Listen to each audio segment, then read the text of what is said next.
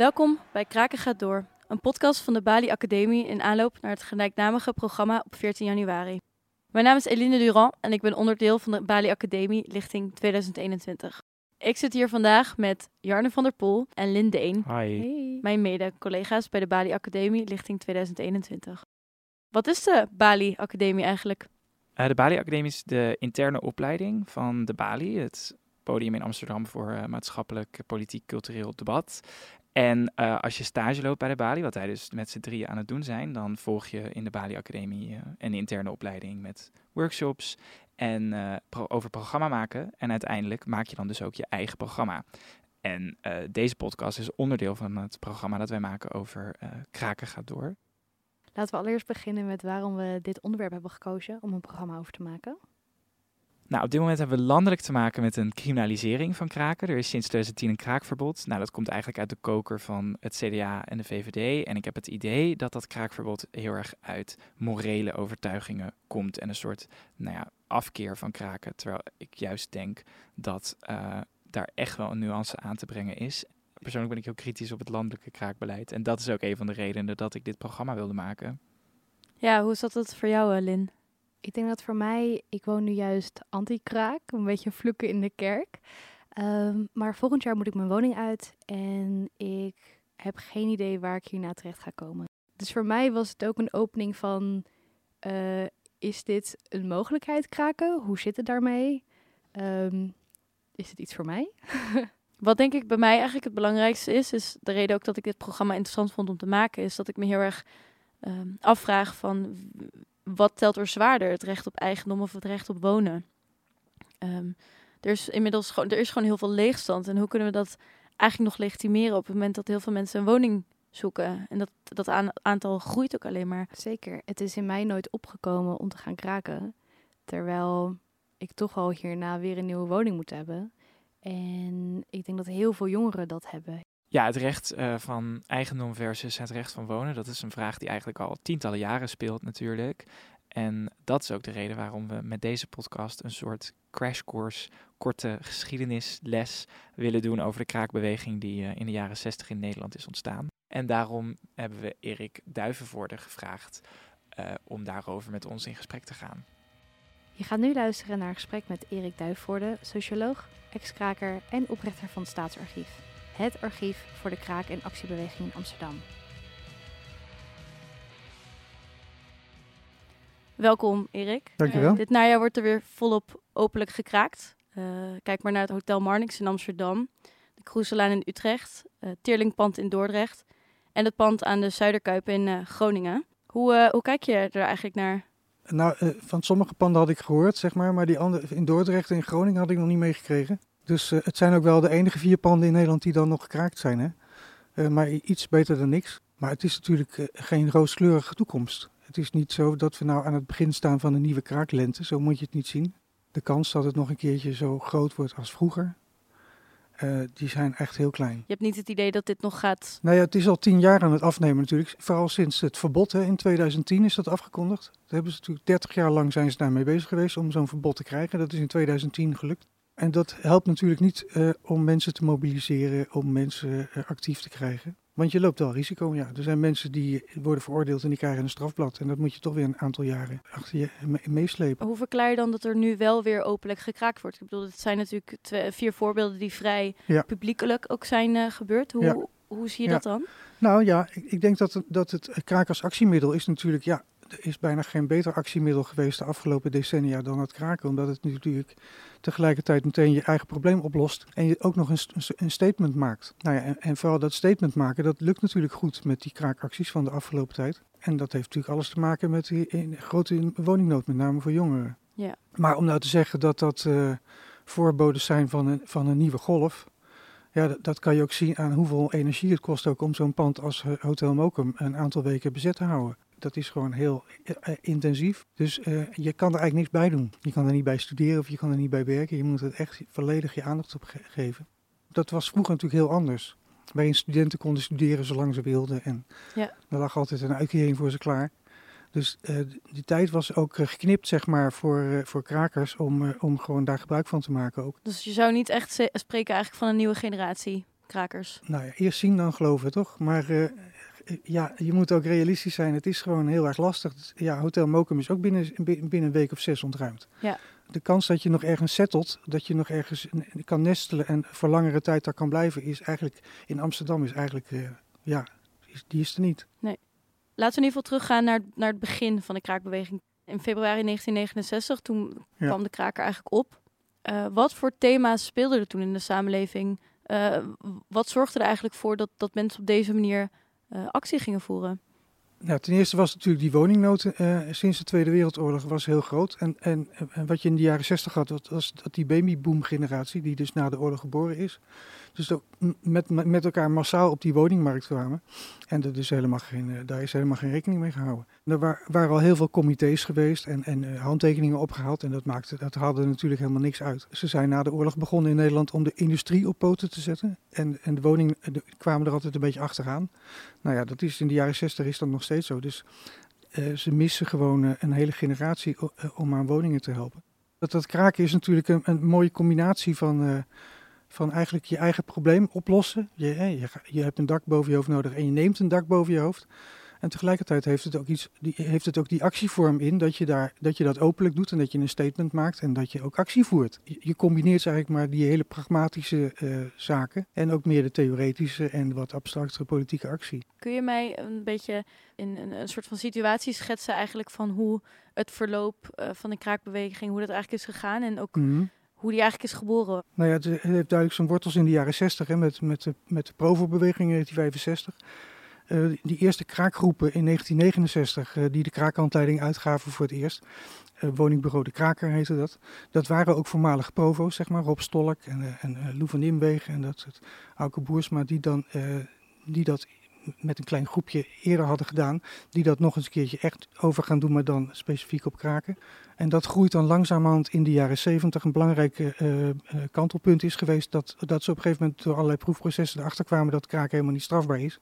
Dat het gewoon legaal is, dat het eigenlijk mag. Dat betekende vanaf dat moment dat, dat uh, krakers, zeg maar, ja, dat, dat dijde enorm uit. Eigenlijk met de acties van februari 1969 is hij er opeens, de kraker. Een nieuw type actievoerders opgestaan. Ja, en uh, wat er natuurlijk ook opkomt, is dat de democratiseringsgolf heb je natuurlijk ook in de jaren 60. Dat die cultuur, er is een soort cultuuromslag. Van de verzuilde uh, samenleving wordt het allemaal opengebroken en er is veel meer mogelijk. Dus daar, daar zeg maar die kraakbeweging ook op mee. Ja, dat is eigenlijk uh, de, de eerste beweging in de stad of in het land waarin zoveel mensen van onderop, vanuit de buurt, zich gaan bezighouden met hun eigen leefomgeving. En die krakers is daar ook een vorm van. En de meeste radicalen, zeg maar, in die, in die, in die, in die vorm van verzet. Ja. Dus dat, uh, ze waren van plan om hele buurten te slopen in Amsterdam. Eigenlijk de hele cirkel om het centrum heen. Van de Pijp en de Statiedebuurt en de Dapperbuurt. Wilden ze eigenlijk helemaal slopen. Om daar gewoon nieuwe huizen te bouwen. En, en, en metrolijnen en kantoren en weet ik allemaal wat. En daar is natuurlijk ook in de tijd heel veel verzet tegen gekomen. Hoe de stad is ingericht tegen de cityvorming, zoals dat genoemd werd. En omdat dat ook heel lang geduurd heeft, hebben krakers eerst, zich daar eerst kunnen settelen daar in de buurt. Dus die hebben heel veel ervaring opgedaan met wat betekent het nou om een soort groep te, voor, te vormen en wat voor organisatie moet je daarvoor opbouwen. Die ervaring uit die nieuwmarkttijd is zeg maar, ja, dat is het fundament geweest voor, de, voor die kraakbeweging die daarna ontstaat zeg maar, in alle andere buurten in de stad. En dat komt in, rond 1980, 1981 in een, tot een hoogtepunt. Ook uh, qua aantallen, dan hebben we het over 10.000, 20.000 uh, krakers in de stad, gekraakt, in gekraakte panden. Je spreekt over een nieuw type actievoerder. Um, waren dit allemaal actievoerders of zaten er ook gematigde woningzoekenden bij? Um, waren er verschillende subgroepen te, te onderscheiden binnen, binnen de actievoerder eigenlijk? Ja, nee, het, was een allegaatje van allerlei van, van verschillende mensen ook. Je had echt politiek gemotiveerde studenten, hè, die dus heel veel schreven en, en, om dat verhaal over die woningnood bekend te maken. Maar lang niet iedereen was zo actief heel veel mensen gebruikten de beweging ook uh, omdat het ruimte bood voor allerlei andere initiatieven. En die gingen gewoon een klein bedrijfje beginnen, maar niet, uh, uh, niet zo actiegericht. Hè? Dus die deden gewoon wat, wat elders niet kon.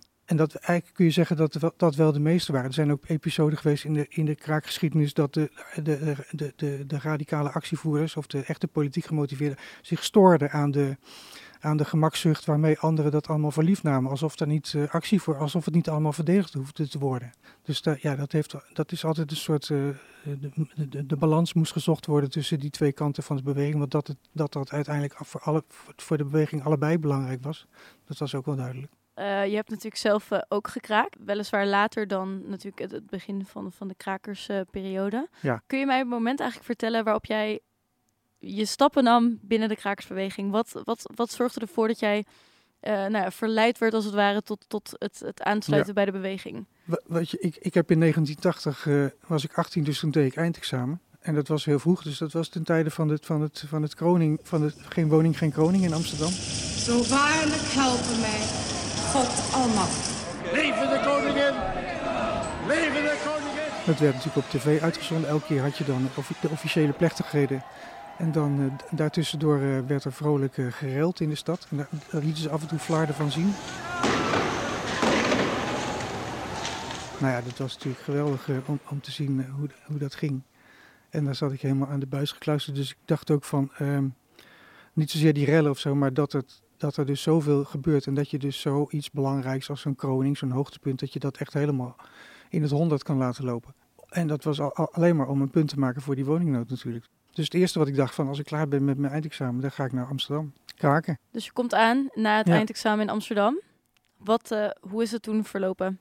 Nou, wat ik zei, je had heel veel van die buurten die stonden eigenlijk klaar om gesloopt te worden. Dus daar waren allemaal grote sloopblokken. Hele blokken stonden dan dicht getimmerd of gemetseld. En daar kon je gewoon, uh, zeg maar, uh, ja, meteen in. Er was, een, er was een kraakgroep per buurt, had je allemaal kraakgroepen. En die verdeelden dan, uh, zeg maar, die woningen. Er was een kraakspreekuur, moest je je netjes melden en dan een beetje opgeven waar, waarom, je, waarom je vond dat je die woning nodig had. Nou, en als het dan allemaal goed gevonden werd door het kraakspreekuur, dan kreeg je, kreeg je niet de sleutel, maar dan kreeg je wel de adres en dan mocht je zelf een beetje gaan kijken en, het, en die woning opknappen. Na een paar maanden werd zo'n blok dan gesloopt. Nou, dan gingen we naar het volgende blok. En um, um, hoe, hoe zag je eruit? Hoe, hoe waren de mensen om je heen? Was het een, een bonte verzameling van mensen? Of waren het Ja. toch wel veel mensen die een beetje de vergelijkbare situatie eh, verkeerden eigenlijk te- waarin jij eh, zat? Ja, het was voor een groot deel was, was het studentenpopulatie, zeg maar, de, de, de krakers. Ze konden eh, schrijven en pamfletten maken en dat soort zaken. En ook wel goed organiseren. Nou ja, dat, leer, dat leerde je dus allemaal in die beweging, omdat je dat allemaal moest doen. Maar, en, maar binnen die eh, populatie had je natuurlijk wel heel veel verschillende eh, mensen. Je had natuurlijk, was ook de punktijd, dus je had ook eh, een, een ra- radicale vleugel. Ja, en dat was zo'n beetje ook een soort, soort voetvolk bij, bij al die rellen. Hè. Die werden dan min of meer vooruitgestuurd. Gestuurd. En dan de mensen die dan de pamfletten schreven, die, die stonden dan een beetje op, achter, op de achtergrond te kijken. En die, en die praten het dan goed of die gaven er dan een draai aan. Om te verklaren waarom die mensen dan die vooraan stonden stenen te gooien en eh, de hele boel eh, kort en klein te slaan. Dat die, eh, dat die het ook wel goed bedoelden, zeg maar. Dus Ja. er was ook een soort arbeidsdeling, zeg maar, in die, in die beweging. Ja. Dus iedereen had een eigen rol. En wat was jouw rol in dat geval? Ik kwam natuurlijk als kleine krakertje uit Den Haag naar Amsterdam. Ik was 18, ik had nog niet. En er was natuurlijk al heel wat gaande. Je had niet zoveel te vertellen nog. Hè. Je moest wel een beetje het vak leren. Dus de eerste jaren ben je gewoon bezig om te kijken hoe het allemaal gaat en wat er allemaal gebeurt. En hoe je daar zelf op een gegeven moment een rol in kan gaan spelen. Want eh, ja, er zijn, er, zijn, er zijn natuurlijk geen hiërarchieën in zo'n beweging. Maar eh, ervaringen, dat, dat, telt natuurlijk wel mee. En eigenlijk had ik natuurlijk net alle grote rellen van 1980 gemist. En daar sprak natuurlijk iedereen over hoe geweldig het allemaal was en zo. En, eh, nou, dan- je kent het wel, dat soort grote, sterke verhalen over hoe ze, hoe ze met z'n allen die politie eronder hebben, hadden gekregen. Ja, dat had ik, was ik zelf nooit bij geweest. Dus ja, ik moest het een beetje opnieuw weer zelf uitvinden. En als het gaat, eh, want je, je zegt natuurlijk eh, dat je eerste huis was echt een huis waar je als het ware bijna eh, in kon eh, rollen. Ehm, eh, dus dat was misschien een relatieve makkelijkere manier om, om te kraken. Ehm, eh, wat zijn nog meer methodes van kraken die je bijvoorbeeld eh, ehm, Ja, nou- hebt gebruikt? Of, Ja, nou ik ben later ben ik ook bij het kraakspreekuur gaan werken, of gaan werken als vrijwilliger. En dat was altijd stampvol. hè. Er kwamen allemaal mensen van de, uit de hele stad kwamen dan informatie vragen. Of, en dan hadden we een lijstje met woningen die we dachten dat leeg waren. Maar mensen konden natuurlijk ook zelf zoeken. En als dan mensen iets gevonden hadden, dan kwamen ze terug naar het spreekuur. En dan hielp ik ze dan bij de deur openmaken. Daar was ik op een gegeven moment erg handig in. Ik wist precies wat er moet gebeuren. En dan echt met een koevoet eh, het trappenhuis op en dan eh, ja, op, een goede, op een goede manier zo'n kraak zetten. En dan het slot, slot vervangen en dan moest allemaal heel snel, want dat was precies de kwetsbare periode. Maar op het moment dat je de deur open had en je, je kon naar binnen en dan had je een tafel en een stoel en een bed neergezet, dan was, de, dan was het huis uh, officieel bewoond. En dan kon de politie er ook niet meer afzetten. Nou, krakerspreekuren bestaan natuurlijk nog steeds. Ik denk ook dat de methode, ik bedoel, er zijn natuurlijk ook krakershandleidingen te vinden online. Dus waar letterlijk stap voor stap staat hoe je um, naar een woning moet kraken. Maar um, heb je enig idee of er wel verschillen zitten met, met de kraker van nu? Zijn de methodes veranderd? Zijn ze geraffineerder geworden? Heb je daar een idee van? Nou ja, er is natuurlijk wel wat, op technisch gebied is er, is er wel wat veranderd. En, maar volgens mij is het moeilijker om binnen te komen tegenwoordig. Vroeger ging dat vrij makkelijk met een, uh, met een koevoet. Ik denk dat je tegenwoordig wel wat meer in huis moet hebben.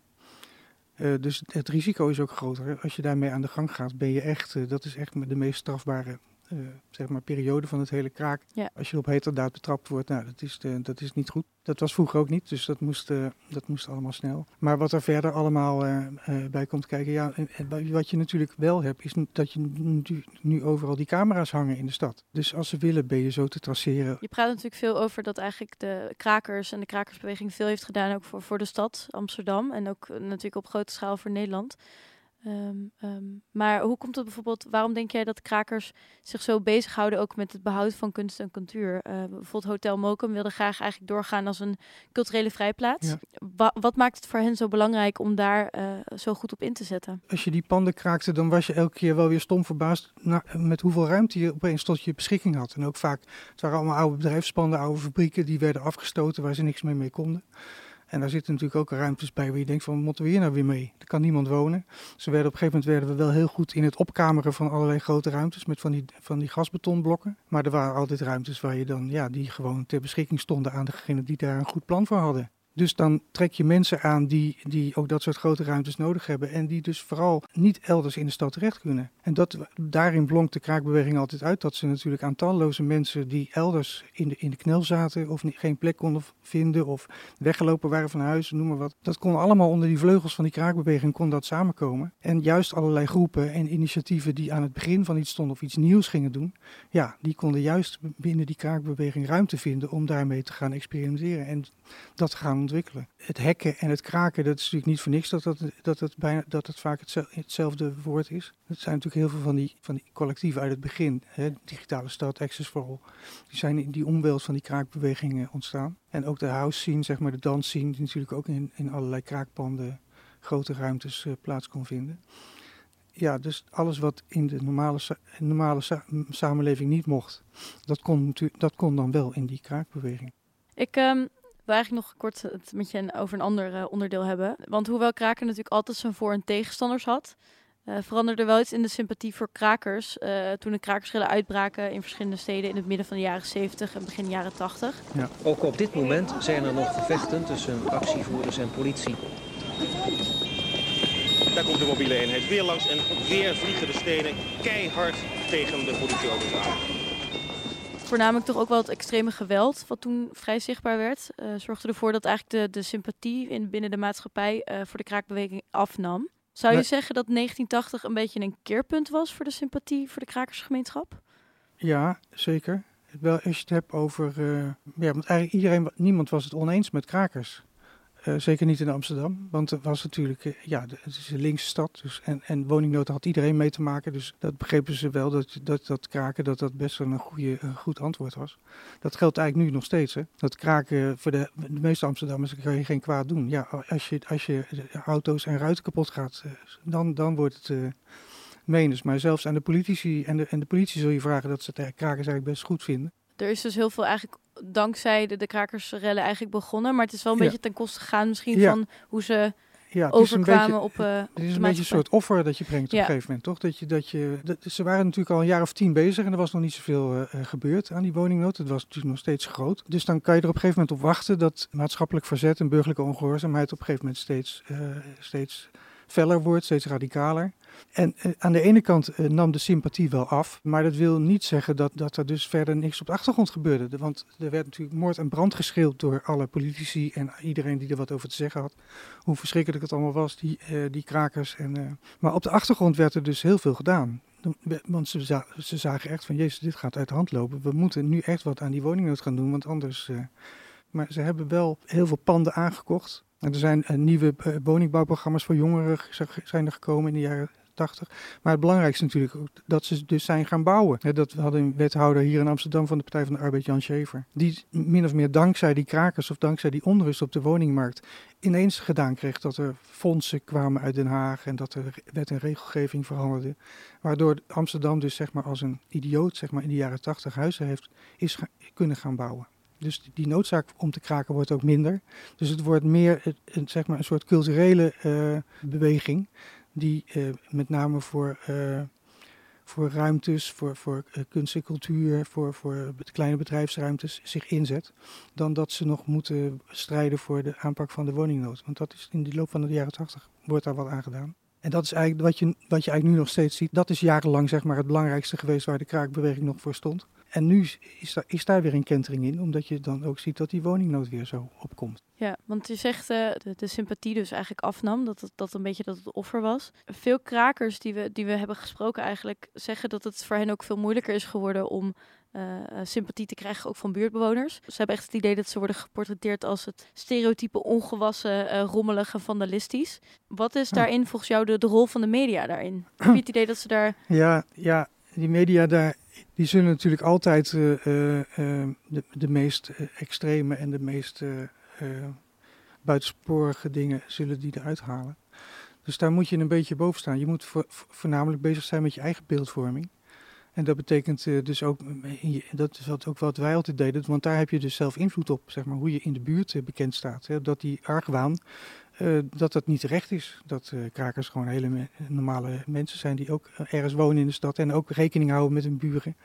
En dus het eerste wat wij altijd ook deden of adviseerden was, als je ging kraken, dat je geen kennis moest kennis gaan maken met de buren.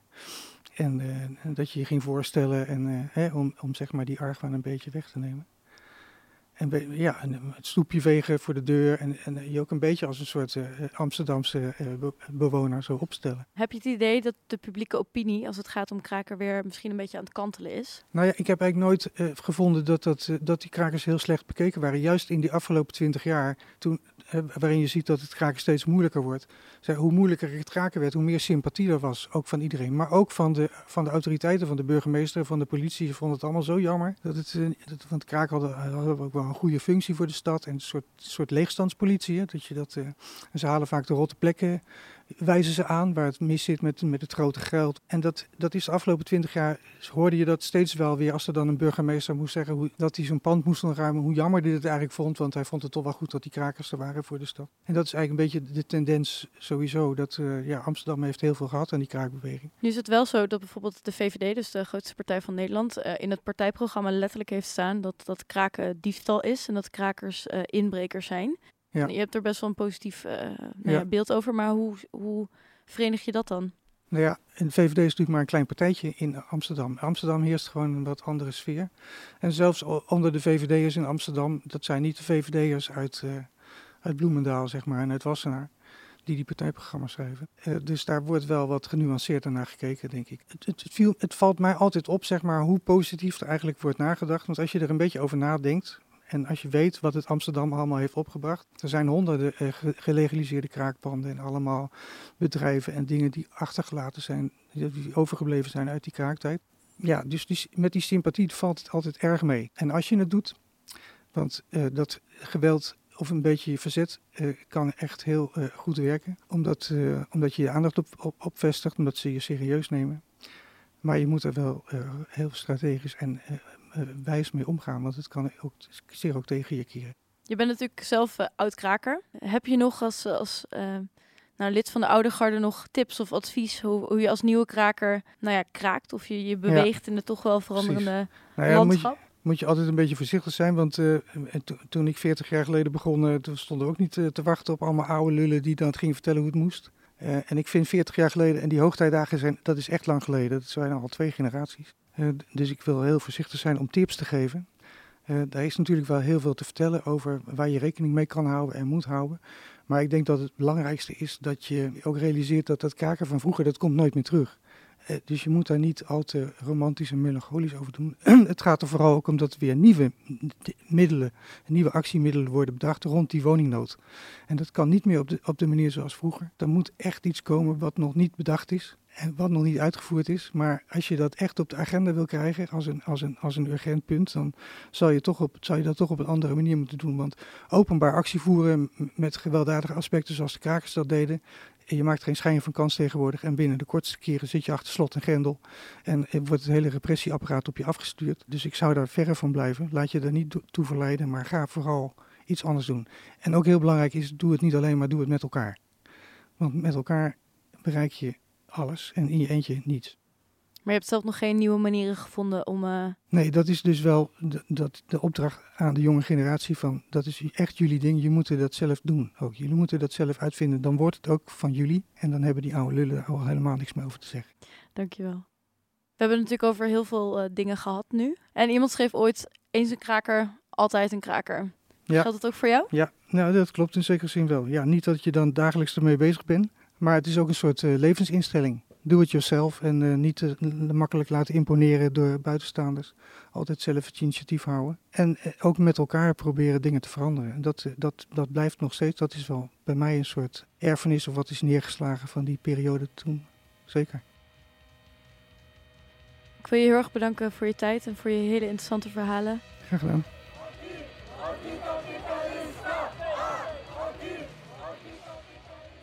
Dankjewel Eline voor je gesprek met Erik Duifvoorde. Hoe hebben jullie hier naar geluisterd? Ik vond het eh, interessant om te horen eigenlijk van iemand die van een andere generatie is dan wij, dat hij eh, toch een wat minder optimistisch eh, perspectief heeft. Ik denk dat veel mensen van onze generatie met de actie van bijvoorbeeld Hotel Mokum, dat dat ons eerste contact was met de kraakbeweging misschien. En dat we het misschien een soort hoopvolle... hoopvol perspectief hebben dat dit een heropleving kan zijn. En ik vond het interessant om van Erik te horen dat hij zei, nou ja, eigenlijk elke zoveel jaar denken we dat er een heropleving komt, maar laten we niet te vroeg juichen. Zeker, het verbaasde mij ook heel erg. Ik had het idee dat ehm, hij eh, heel enthousiast zou zijn over deze nieuwe beweging, omdat ik het echt zag als zijnde, wow, de kraakbeweging wordt weer heropgeleefd. Maar eh, dat schijnt dus niet zo te zijn. Ik eh, sluit me daar ook helemaal bij aan. Ik denk dat ik ook eh, een bepaalde hoop had dat hij toch wel positief zou zijn. En dat viel eigenlijk eh, wel tegen. Zeker ook omdat de acties leken best wel veelbelovend. Maar misschien is onze generatie ook gewoon wat minder geneigd om massaal te gaan kraken. Dat er daardoor ook niet echt een heropleving in zit. Eh, want Lin, ik weet dat jij woningzoekende bent binnenkort. Maar denk je dat je aan de kraak gaat? Ik vind het heel interessant, want we hebben natuurlijk ook in voorgesprekken met veel krakers gesproken. En ook wat ik nu hoor van Erik, dat het is een fulltime job om te kraken. Dus ik kan me goed voorstellen dat je dit eh, zeker gaat doen als vorm van actie voeren. Of als vorm uit noodzaak dat dit echt de enige optie is. Maar het is lastig om hierbij ook nog te werken of te studeren. Of precies wat Erik daarin zei. Dus misschien is het inderdaad een idee dat wij als nieuwe generatie gaan zoeken naar sowieso nieuwe of aanvullende manieren om de woningcrisis op te lossen. Hoe kijk jij naar, Eline?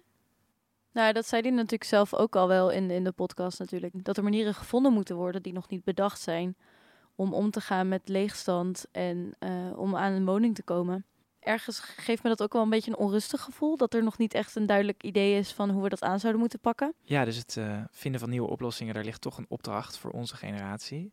Nou, misschien komen we wat dichterbij met eh, het programma waar wij al eh, een paar weken aan werken.